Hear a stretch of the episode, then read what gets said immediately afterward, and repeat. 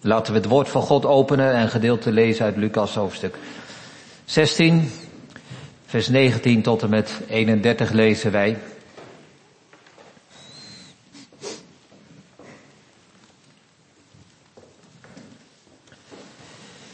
In hoofdstuk 15 zijn de gelijkenissen geweest van verloren schaap, verloren penning, verloren zoon. Hoofdstuk 16 is er de gelijkenis van de onrechtvaardige rentmeester. En dan komt er daarna nog een gelijkenis, een hele bekende gelijkenis, over de rijke man en de bedelaar Lazarus. We lezen dit gedeelte. Lucas 16 vanaf vers 19. Hier spreekt het woord van God. Nu was er een zeker rijk mens die gekleed ging in purper en zeer fijn linnen en die elke dag vrolijk en overdadig leefde. En er was een zekere bedelaar van wie de naam Lazarus was, die voor zijn poort neergelegd was en die onder de zweren zat. En hij verlangde ernaar verzadigd te worden met de kruimeltjes die van de tafel van de rijke man vielen. Maar ook de honden kwamen en likten zijn zweren. Het gebeurde nu dat de bedelaar stierf. Door de engelen in de schoot van Abraham gedragen werd. En ook de rijke man stierf. Hij werd begraven. En toen hij in de hel zijn ogen opsloeg, waar hij in pijn verkeerde, zag hij Abraham van ver en Lazarus in zijn schoot. En hij riep en zei, Vader Abraham, ontferm u over mij en stuur Lazarus naar mij toe en laat hem de top van zijn vinger in het water dopen en mijn tong verkoelen, want ik leid vreselijk pijn in deze vlam. Abraham echter zei, kind, herinner u dat u het goede deel ontvangen hebt in uw leven en Lazarus evenzo het kwade. Nu wordt hij vertroost en u leidt pijn. En bovendien is er tussen ons en u een grote kloof aangebracht, zodat zij die van hier naar u zouden willen gaan, dat niet kunnen. En ook zij die niet die da van daar naar ons zouden willen gaan. En hij zei, ik vraag u dan vader dat u hem naar het huis van mijn vader stuurt, want ik heb vijf broers. Laat hij dan tegenover hen getuigenis afleggen, opdat ook zij niet komen in deze plaats van pijniging. Abraham zei tegen hem, ze hebben Mozes en de profeten, laten zij naar hen luisteren. Hij echter zei, nee, vader Abraham, maar als iemand van de doden naar hen toe zou gaan, zouden zij zich bekeren. Maar Abraham zei tegen hem, als zij niet naar Mozes en de profeten luisteren, zullen zij zich ook niet laten overtuigen als iemand uit de doden zou opstaan. Tot zover. De tekst voor de preek is vers 29. Abraham zei tegen hem, ze hebben Mozes en de profeten, laten zij naar hen luisteren. Boven de preek heb ik als thema geschreven een discussie in de hel. Een discussie in de hel. Een buitengewoon bijzonder gesprek wat hier gevoerd wordt. Het is overduidelijke gelijkenis. Het kan niet letterlijk zo plaatsvinden. Maar Jezus gaat ons voor in deze gelijkenis een discussie in de hel. Drie gedachten. Ten eerste geliefd. Dan zullen we zien waarom Lazarus zo'n groot voorrecht ontvangt, geliefd. Ten tweede bekeerd. Dat is het thema dat uh, de rijke man in vers 30 aansnijdt. Zijn broers moeten zich bekeren. En ten derde geïnformeerd. Zij hebben Mozes en de profeten, zij weten voldoende, die broers, maar ze laten zich niet gezeggen. Geliefd, bekeerd, geïnformeerd, drie woorden aan de hand waarvan wij dit gedeelte zullen beluisteren. Gemeente, als we deze bekende gelijkenis lezen, wat is onze eerste indruk? Misschien denk je, Blijkbaar moet ik alles weggeven. Rijkdom is verboden.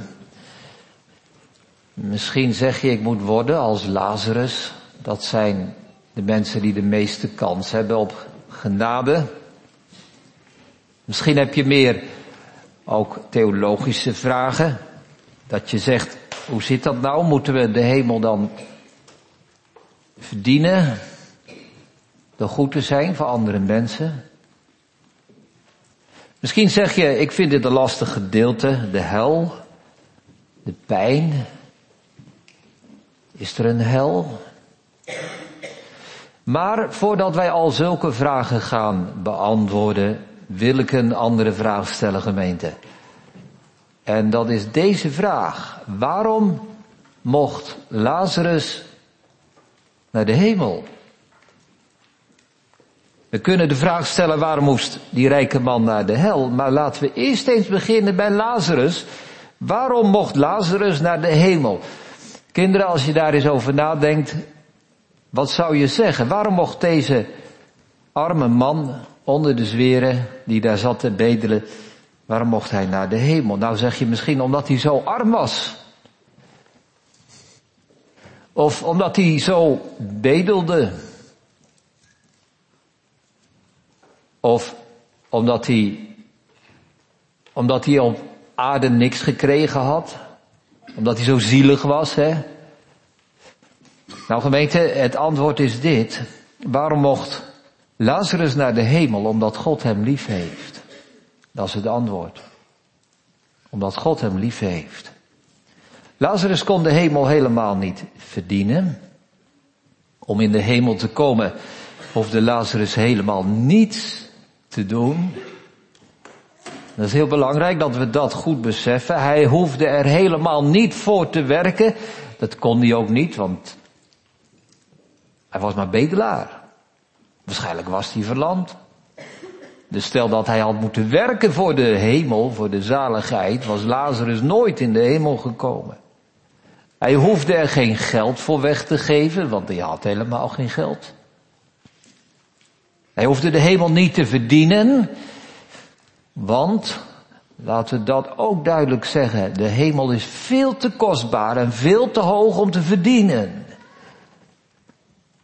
Het is niet zo dat als wij hier op aarde maar een redelijk braaf en netjes leven hebben, dat wij de hemel verdiend hebben. Dan hebben we totaal geen indruk hoe heerlijk en hoe groot en hoe eeuwig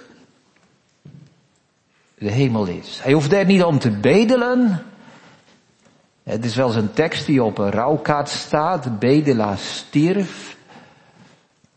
Maar we moeten niet doen alsof hij door te bedelen in de hemel kwam. Hij bedelde niet om de hemel, hij bedelde gewoon om brood, om kruimels. Dus gemeente, waarom komt Lazarus in de hemel? Omdat hij een mens is en omdat God van mensen houdt.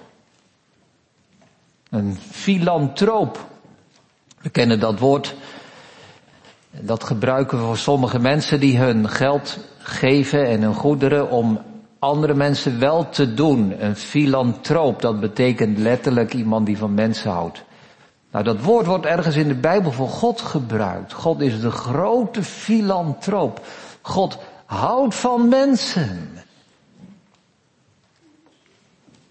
En Lazarus met al zijn gebrek en zijn armoede en zijn ziekte, maar Lazarus is een mens. En God in zijn liefde houdt ervan om de liefde uit te delen en mensen te redden en zalig te maken en ons te laten delen in zijn geluk en goedheid. En dat bedoel ik, ik ga er nog wat verder op in ik bedoel met die mensenliefde van God niet een soort algemeen gevoel van goedheid voor de mensheid, maar dit is diepe, eeuwige, persoonlijke liefde van God voor die arme stakker Lazarus.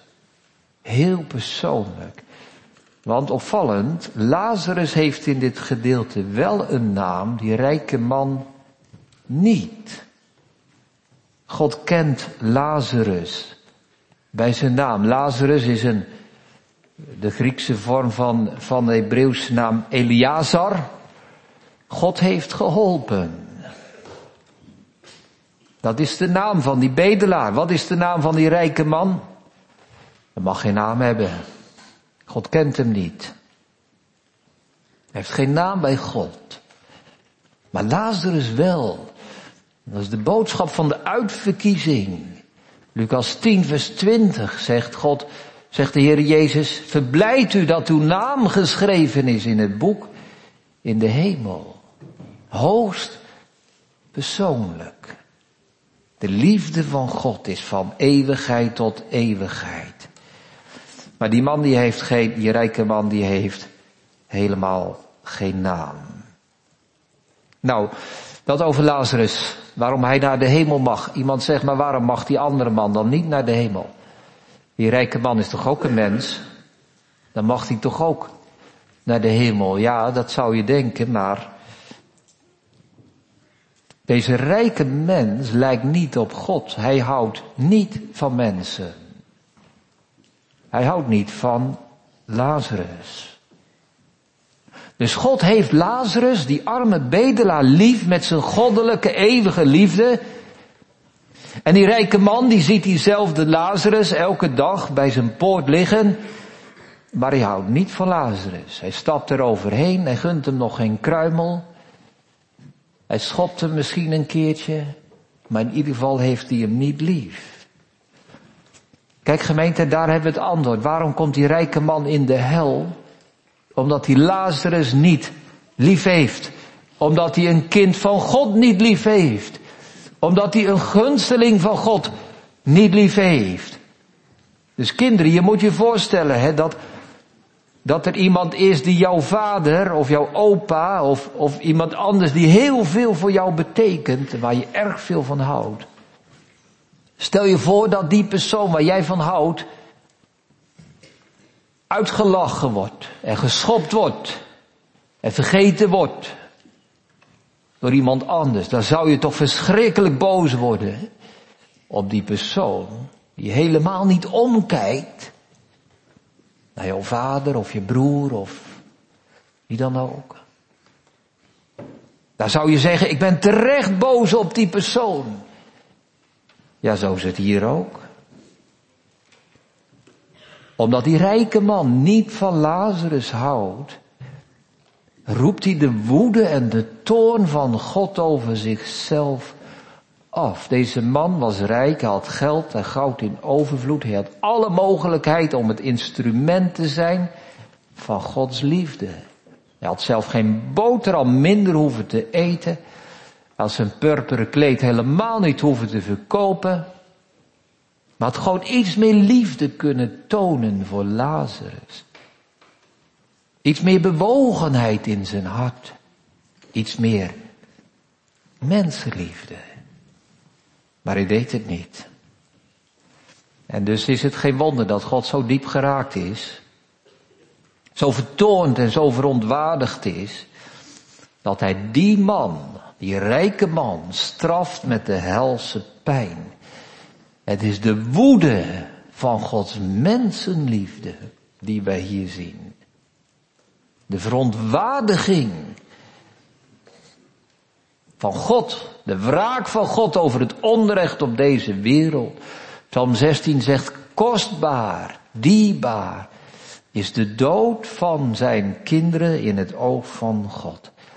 Dus zodra deze rijke man sterft, barst de woede van God over hem los. En is hij in de eeuwige pijn. Dus gemeente, als wij soms vragen hebben hè, bij de hel, is de hel wel eerlijk? Is het wel rechtvaardig dat, dat God mensen met zo'n pijn straft? Vinden we hier een antwoord. De hel is de plaats waar God laat zien wat de keerzijde is van zijn mensenliefde. We hebben samen die geboden gehoord vanmorgen en de samenvatting uit, uit Marcus erbij. Dat is het grote gebod. God liefhebben boven alles en de naaste als jezelf. Waarom? Waarom moeten wij de medemens liefhebben? Ja, omdat God mensen lief heeft. Ja, zegt iemand, maar die rijke man, die kon toch helemaal niet weten dat Lazarus een uitverkoren kind van God was? Dat kun je toch niet zien aan iemand? Nee, dat kun je niet zomaar zien.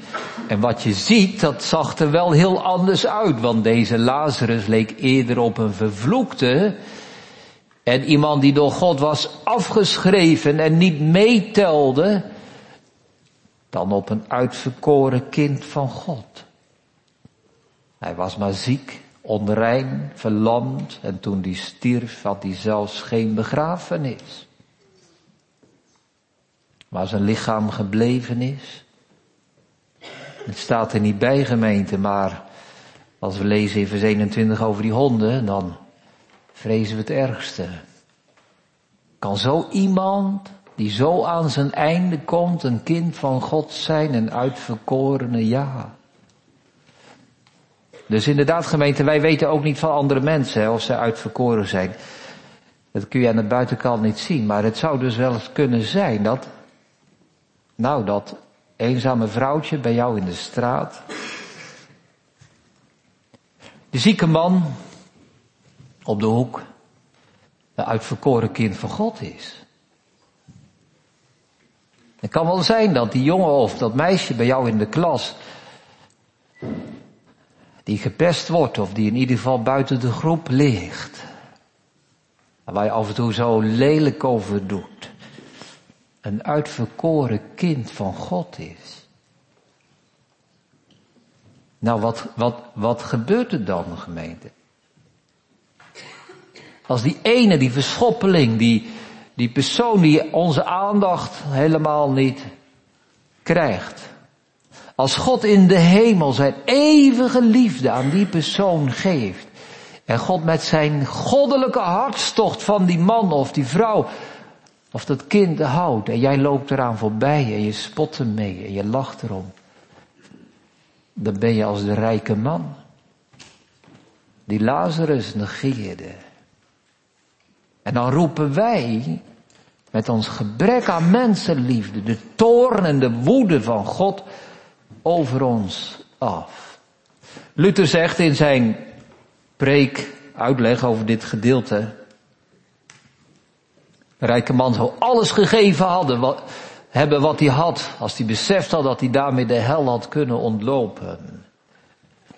Hij zou Lazarus overladen hebben.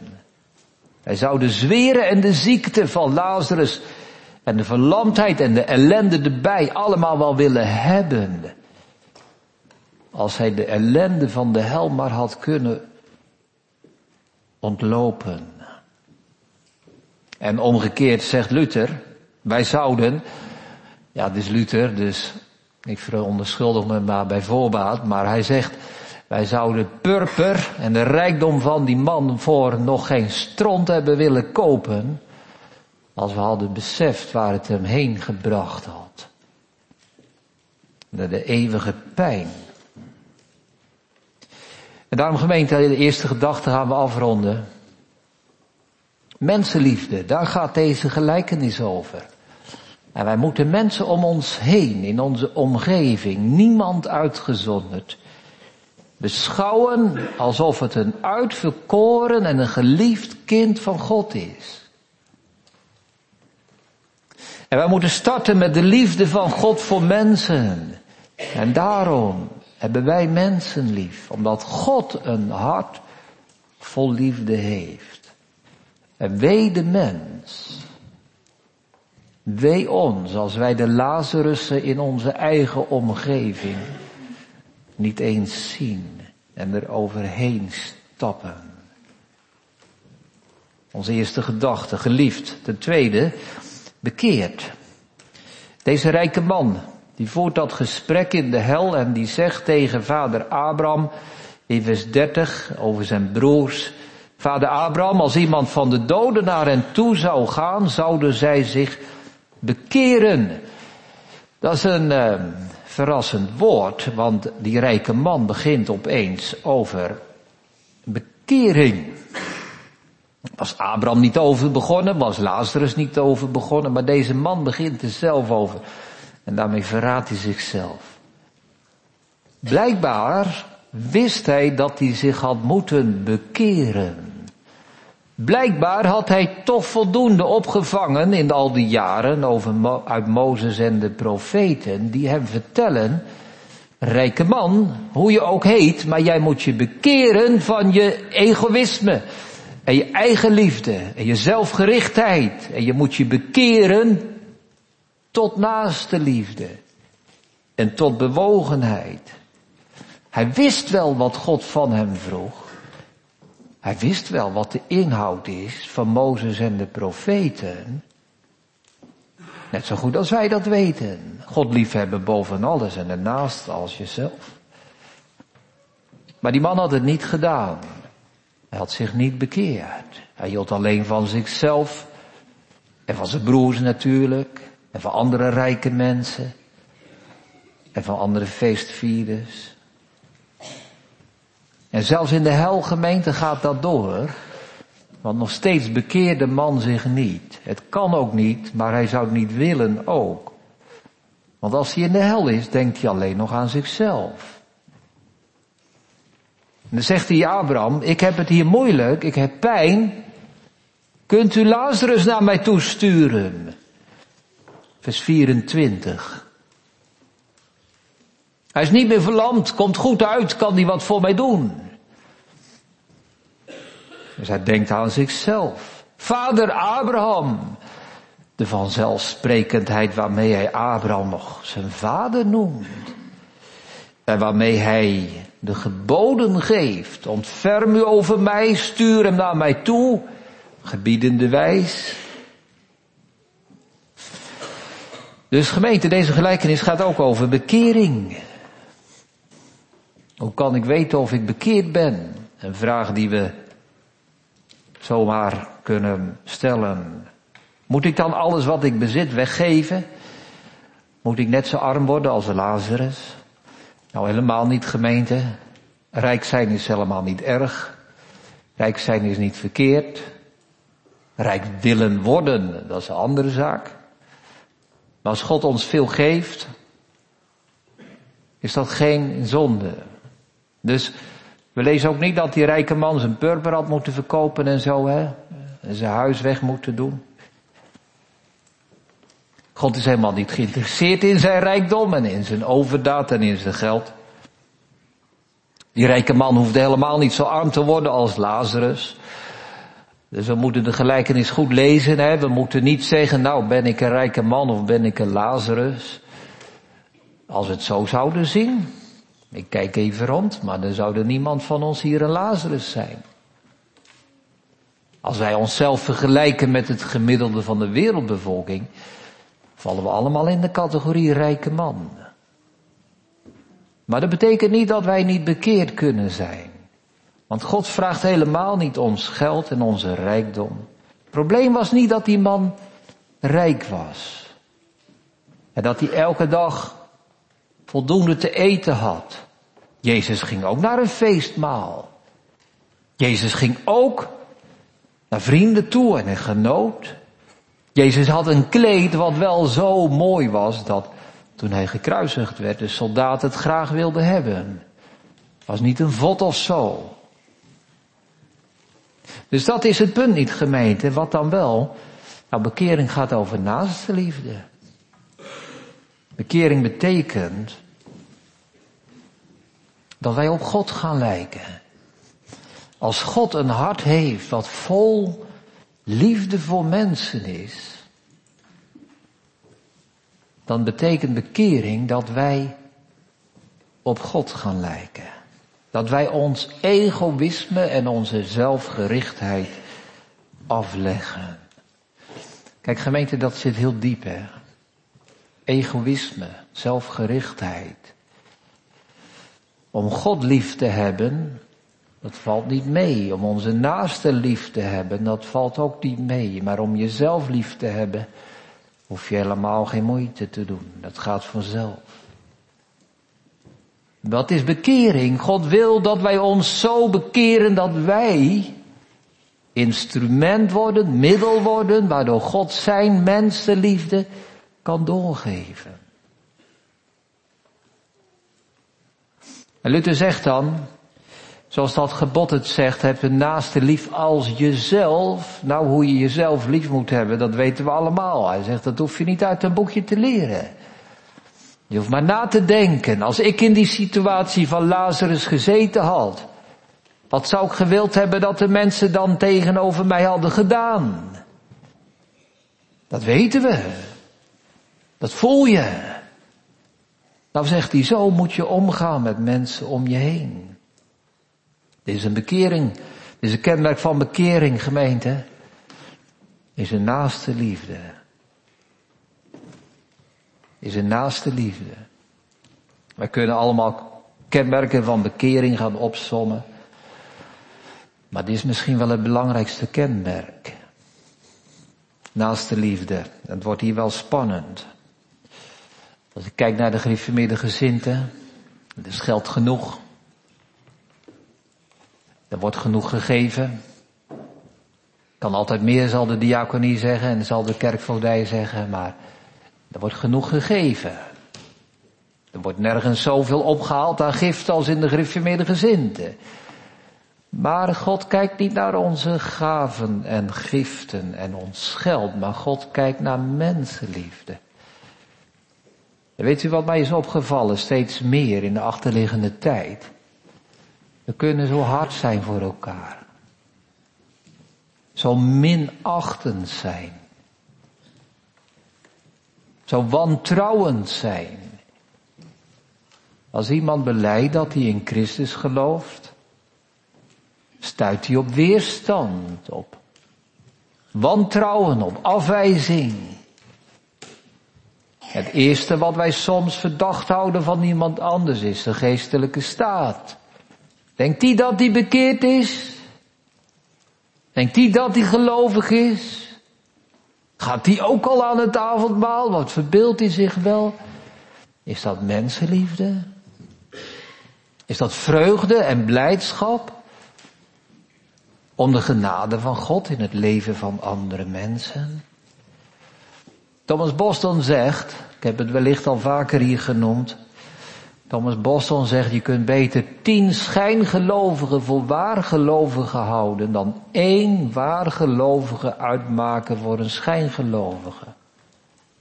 Want pas op gemeente, als wij zo hard in ons oordeel zijn over anderen, terwijl die ander wellicht een uitverkoren en geliefd kind van God is.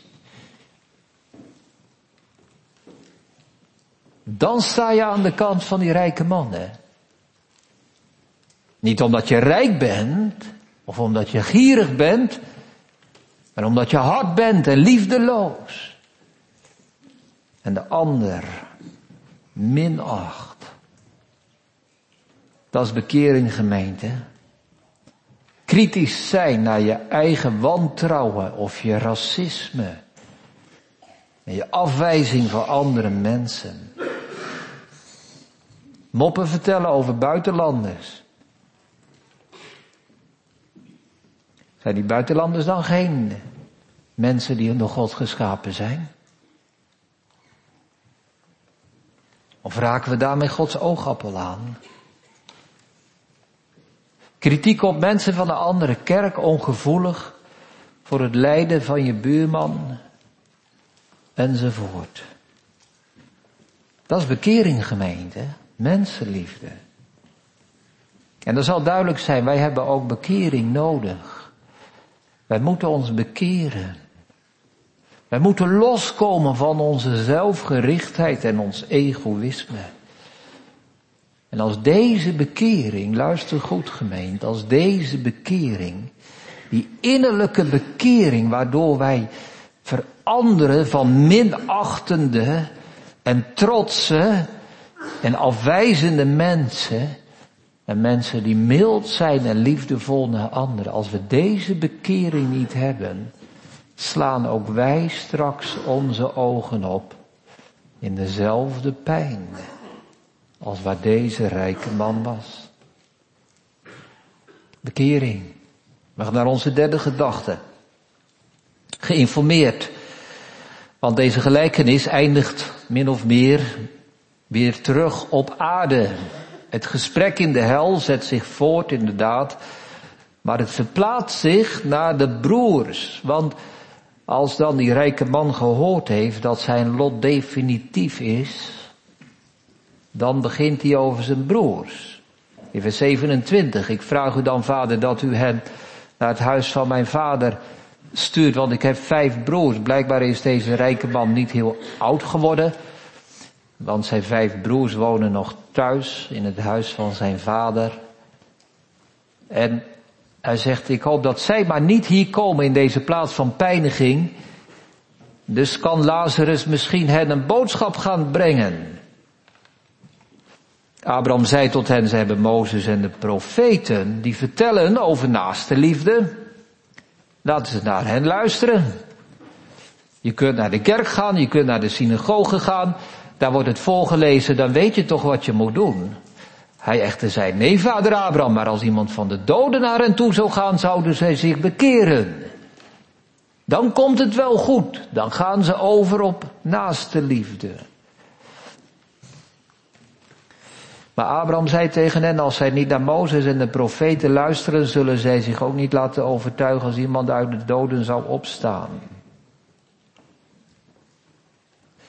Abraham heeft er niet zoveel hoop op, gemeente.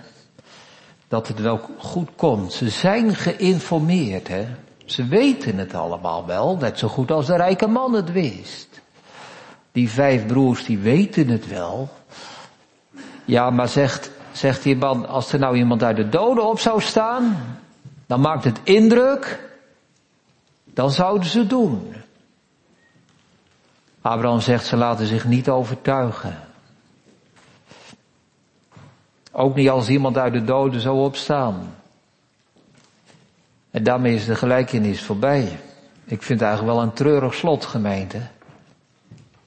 Dat is nou niet zo bijster hoopvol. Is voor mij als dominee ook niet zo'n zo'n mooi einde, toch? Er staat hier min of meer, ja, je kunt, je kunt de mensen preken. kan de blaren op mijn tong preken. En vertellen wat u moet doen en wat je niet moet doen. Ik kan elke dienst spreken over geloven over bekering. Ik kan de Bijbel open doen, Mozes en de profeten, de Bijbel van die tijd.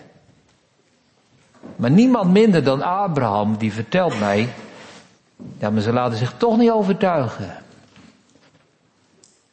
Stel dat ik dat kon vragen, vader Abraham, Hoe gaan de mensen in de Laankerk reageren als ik daar op 6 november preek? Laten ze zich overtuigen. Nou, zei Abraham, reken er maar niet op. Is dat zo gemeente? Al zou er iemand uit de doden opstaan. Nou kinderen, je moet, je moet je eigenlijk niet indenken, maar dat er hier iemand binnenkomt. Die in de hel is geweest. Met het roet van de hel nog op zijn gezicht en met de schroeilucht van de vlammen om zich heen. Stel je dat hij hier op podium stond en ons vertelt, ik kom jullie waarschuwen voor de hel. Nou zegt Abraham, ook dan zou je je niet bekeren. Laat staan een preek als deze. Een hele normale preek. Zoals we er al zoveel hebben gehoord en zoals er nog zoveel zullen komen.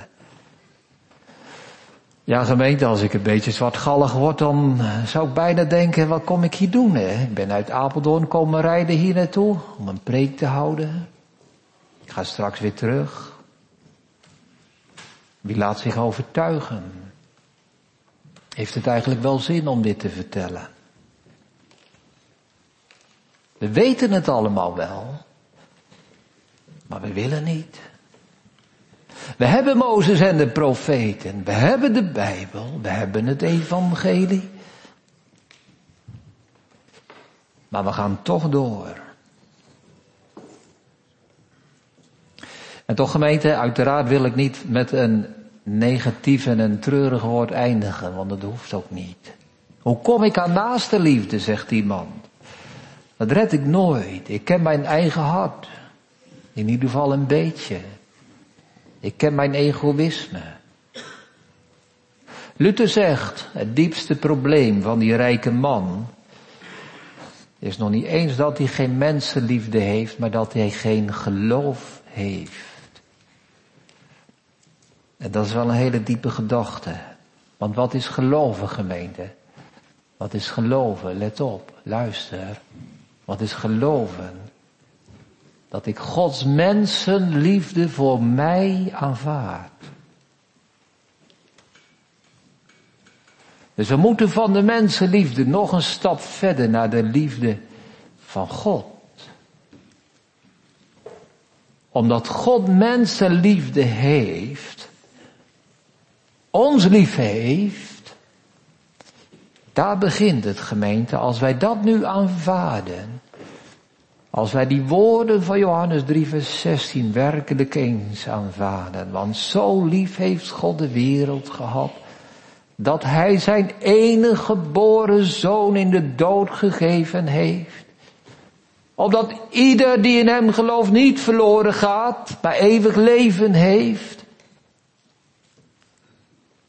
Dat is geloven, dat we dat aanvaarden. Kijk gemeente, als we dat gaan zien, hè, dat wij zelf gaan leven van Gods mensenliefde, dan komt de bekering. Dus het begint met geloof. En geloof leidt ons naar de bekering. Het begint met geloof. Vanuit onszelf blijven we die egoïstische mensen. Maar als we gaan geloven en vertrouwen op de mensenliefde van God voor ons, dan gaan we ook onze medemens anders bekijken. Als ik zelf van liefde leef, kan ik ook beter gaan liefhebben. Nou, dus de boodschap van dit hoofdstuk, van dit gedeelte, van het hele Bijbelboek. Lucas 15, hè, die vader die op de uitkijk staat. Hetzelfde thema. Liefde. Die ene zoon die het niet wilde accepteren, die andere wel. Kijk gemeente, dat overtuigt ons. Wat gaat ons overtuigen? Nou, niet die man die uit de hel naar ons toe komt. Had ik maar wat meer indrukken van dood en zegt die man. Besefte ik maar beter wat de hel was. Nou, dan zou u nog niet gaan geloven hoor. Maar wat overtuigt ons wel? De liefde van God. De liefde van God. Dat Hij aan ons denkt en ons zijn liefde geeft. Laat ik daarmee afsluiten gemeente, want dus één ding wat ik in ieder geval niet wil. Dat iemand denkt, nu moet ik mensenliefde gaan ophoesten. Nu moet ik mijn best gaan doen om op die manier in de hemel te komen. Nee. Ik ben de preek begonnen met te zeggen dat wij de hemel niet verdienen. Wat moet ik doen om in de hemel te komen? Je hoeft helemaal niks te doen om in de hemel te komen. Je hoeft er niet voor te werken, je hoeft er niet voor te bedelen, je hoeft er niet voor te zwoegen, je hoeft er niet arm voor te zijn. Je hoeft helemaal niets te doen dan alleen de mensenliefde van God te aanvaarden. En dat is geloof. Hij is het die ons zijn vriendschap en liefde biedt. Psalm 103. En dan komt die bekering. Dan gaan we anders naar de andere mensen kijken. En dan gaan die harde, scherpe randen eraf. En dan ga ik iets zien met de ogen van Jezus en met de ogen van God. En dan gemeente, dan komt het einde. Wat zal er dan gebeuren? Wel, ieder die zo gelooft, die zelf gaat leven van de liefde van God, die hoeft niet bang te zijn voor de hel. Dan hoef je niet bang te zijn dat je straks je ogen opslaat in de pijn. En dat je uitziet naar een druppel water op je tong. Maar als deze liefde in onze harten mag zijn, gemeente, dan sluiten wij straks onze ogen. En dan zullen de engelen komen. De gezanten van God. En die zullen ons dragen in de liefde van God. Dan zal God zelf zijn engelen gebieden om u, om jou, om mij te halen.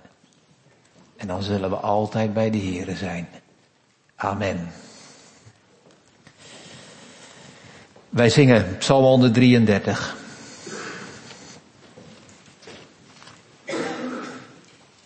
Vers 3. Waar liefde woont, gebied de Heer de zegen. Daar woont Hij zelf. Daar wordt zijn hel verkregen en leven tot in eeuwigheid.